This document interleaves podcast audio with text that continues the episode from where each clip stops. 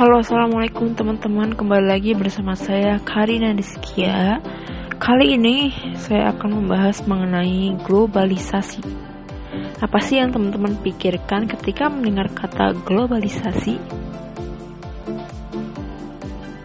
Global.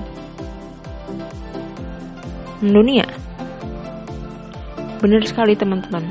Globalisasi berasal dari bahasa Inggris yaitu globalization Gabungan dari kata global yang berarti mendunia dan lisation yang berarti proses. Jadi globalisasi ini adalah suatu proses yang menyeluruh atau mendunia di mana setiap orang tidak terikat oleh negara atau batas-batas wilayah. Yang artinya setiap individu dapat terhubung dan saling bertukar informasi di mana pun dan kapan pun melalui media elektronik maupun media cetak seluruh bangsa dan negara di muka bumi ini semakin terhubung satu, satu sama lain.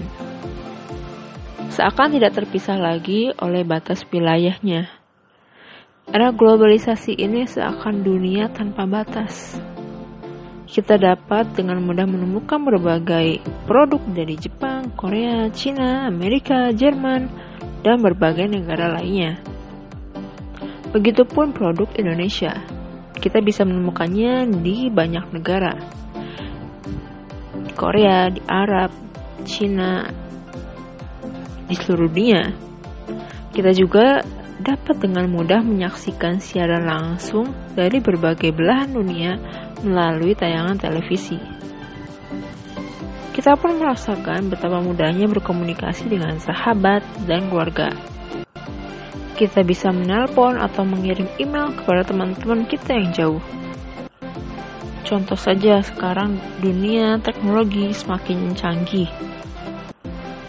Jika ingin mengirim pesan, kita bisa mengechat lewat WhatsApp atau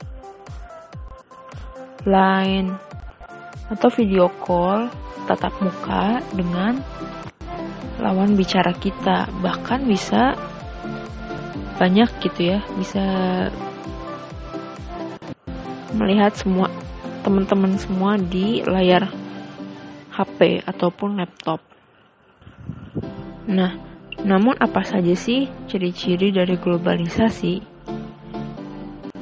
Selanjutnya akan kita bahas pada episode berikutnya. Bye.